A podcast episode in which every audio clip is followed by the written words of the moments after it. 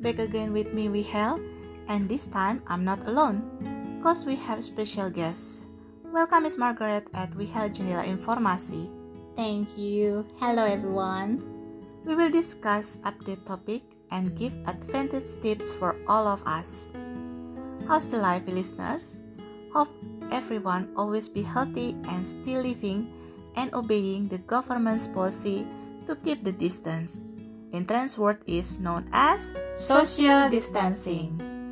For listeners who still study from home, we believe that study from home is very boring. You cannot meet and interact with your friends, your teachers, and maybe your class at the school. Now this time, we will discuss about how to study effectively from home during the COVID-19. Today's topic is really real experience you are facing now. Since you are teachers, aren't you?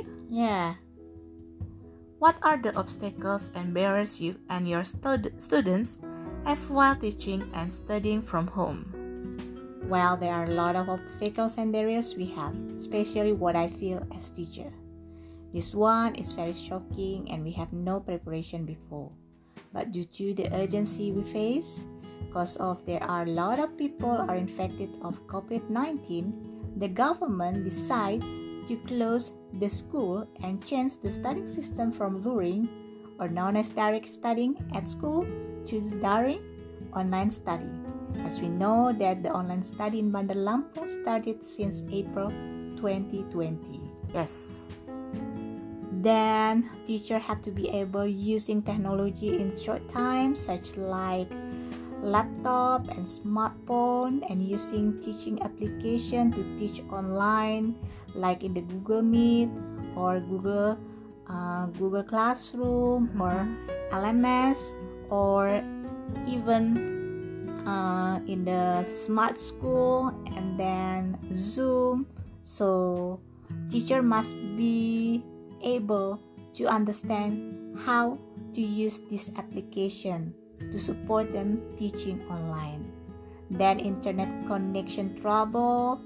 As we know that in some area, even in the city, Mm-hmm. the internet connection become one of main trouble to convey the material we give to the students because of the slow connection. Mm-hmm. And then also uh, the uh, the internet the internet connection uh, still have many areas have no internet coverage and then the study online process has time reduced and less effective because it's only half from the normal school day moreover we teacher cannot fully control the student if they are really study from home or not like in my last experience Mm-hmm. I was in the mall and met two of my students skip the class and hang out in one of the mall restaurant. Mm. Then, as teacher, I asked them if their class has already done.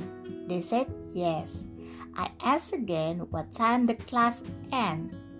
They answered me if their classes end at 1 p.m. And I remember when we were speaking, it was still 11:30 p.m. So I let them to continue the hangout time and I come back to my seat, but as teacher, I have responsibility to inform their homeroom teacher. So I send their picture in the mall to the homeroom teachers. Whoa, that's really real experience you have. In the other side, for students, they have their own problem at study, uh, at study from home. You know, like their the internet connection providing, especially in the areas or village still have no internet. Then the parents' time to accompany their children during the online study. Many parents even have no time to, to accompany their children because they have to work Mm-hmm. money limitation for students to buy internet data because we know that not all the students coming from the wealth family some of them even come from the modest families and they have no money to buy internet data Mm-hmm. so um, they have to work the student even have to work to get the money and buy the internet data. Yes. And then motivation spirit for the student because online study tend to be monotonous and lack of interact with the teachers. So it make the student uh, having or losing their motivation to study. So what are the solution for this situation according to you?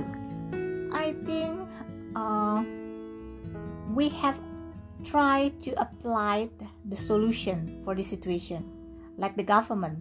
Government help providing internet data coverage all area including in the small areas like in the rural or mountain or villages also government help providing the internet data for students and teachers so the study online process can be done effectively this one has already done by the government through the education ministry by providing the internet data for teachers and students and we are really give appreciation to our government's careness to education. Then parents and homeroom teachers make commitment to support and controlling the students during the online study, making sure if the students are studying from home. And then mm-hmm. the parents and also the homeroom teacher uh, maintain the spirit and motivation for the student about how the importance of education for their future so how is the way for the parents and homeroom teacher to uh, to support mm-hmm. the student that education is really important to their life then the teacher make creative and innovative way to deliver the materials to the students so they are easily to understand and get interest to study especially to science subject and productive subject because these subject a little bit difficult than normal than other subject i think well they are a good solution for all people connecting with this situation especially for teachers students and parents okay listeners now time for us for sharing tips to all of you how to study effectively from home during the COVID 19. First, make the studying schedule. Studying schedule like a normal day. Even though in a day you just have three subjects, you have to know what subject you study daily. So make sure you remember the subject at the at that day. Second, Try to find appropriate studying media. Besides you get the material from your teachers, you still have be able to increase and add your knowledge by browsing from application that you can find such as in YouTube, Google or other source. Third, find out the best way for yourself to study. This one can help you avoiding laziness and sleepy feeling attacking while you study. Last, keep your body healthy with drinking enough water and exercise regularly. Yes, true. Healthy is number one. Yeah. So that's all the tips that we can share to all we listeners at We Health Jendela Informasi. We hope this gives you valuable information and can help you to study from home effectively. Thank you for Miss Margaret willing to be our guest in today's topic. See you in other updated topics. Bye for now.